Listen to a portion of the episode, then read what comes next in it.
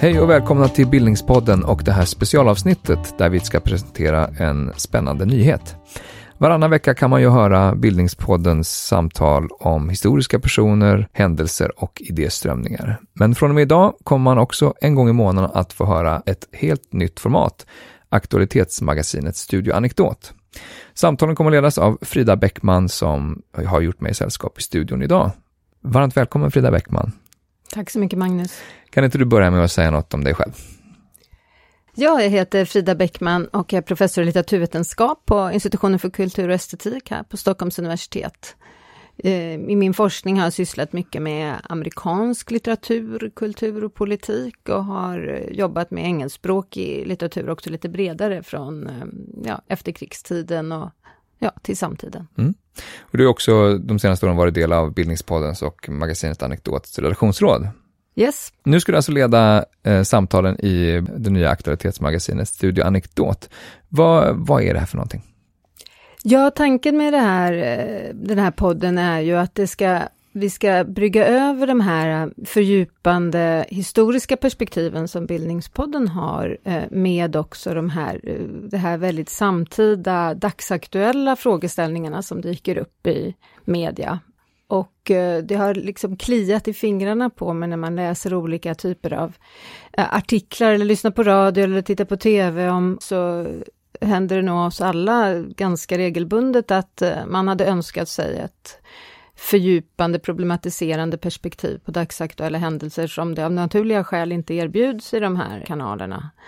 Vi kommer plocka upp sådana här händelser eh, längs vägen och det kan både handla om väldigt specifika händelser men också om samtidsfenomen som eh, är aktuella. Ett exempel är sådana här personlighetstester som dyker upp eh, i alla möjliga och omöjliga sammanhang eh, nu för tiden i allt från eh, jobbintervjuer till datingappar och det är, har vi som ett kommande avsnitt här i. Mm.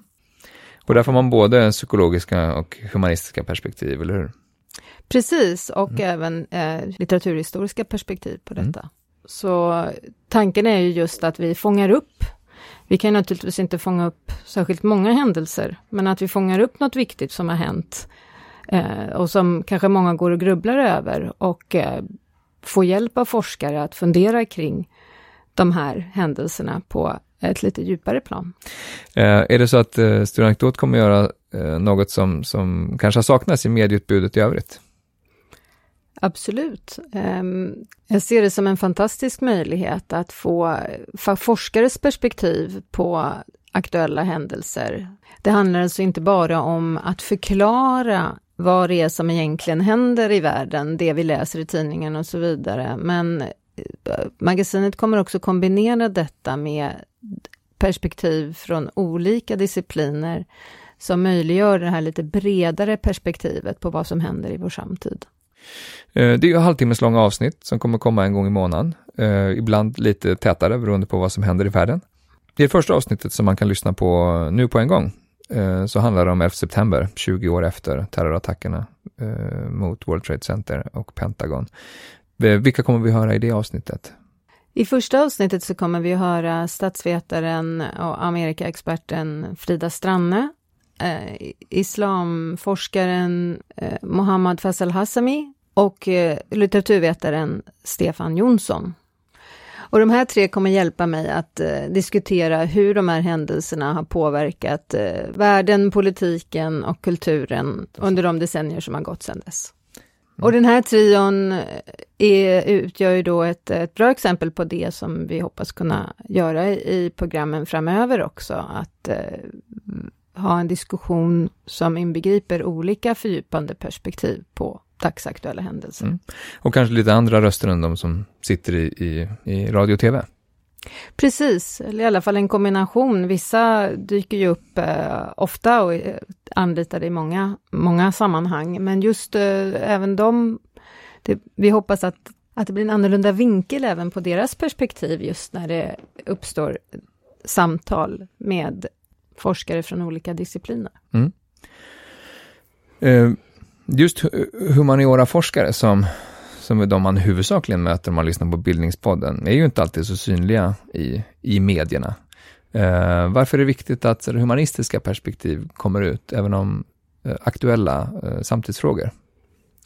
Ja, precis. Det här är ju en, eh, en central eh, inspiration också bakom, de här, eh, bakom den här nya satsningen. Humanioraforskare är ju ofta lite osynliga i debatten. Man bjuder ju gärna in statsvetare, medicinare, historiker, psykologer för att kommentera på det som händer i världen. Men humanioraperspektiven är ofta lite mindre synliga och de har, ger ju oss också en eh, fantastisk möjlighet att förstå vad som händer på ett lite djupare plan.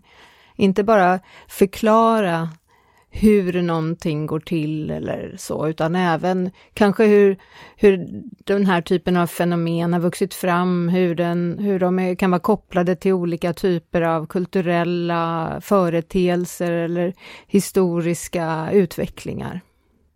Tusen tack Frida Bäckman för att du ville komma hit och berätta om Studio Anekdot. Tack själv. In och lyssna på det första avsnittet av Studio Anekdot om 11 september 20 år efteråt. Sen kan ni alltså förvänta er ett nytt aktualitetsmagasin en gång i månaden med Frida Bäckman som samtalsledare. Tack för att ni lyssnade.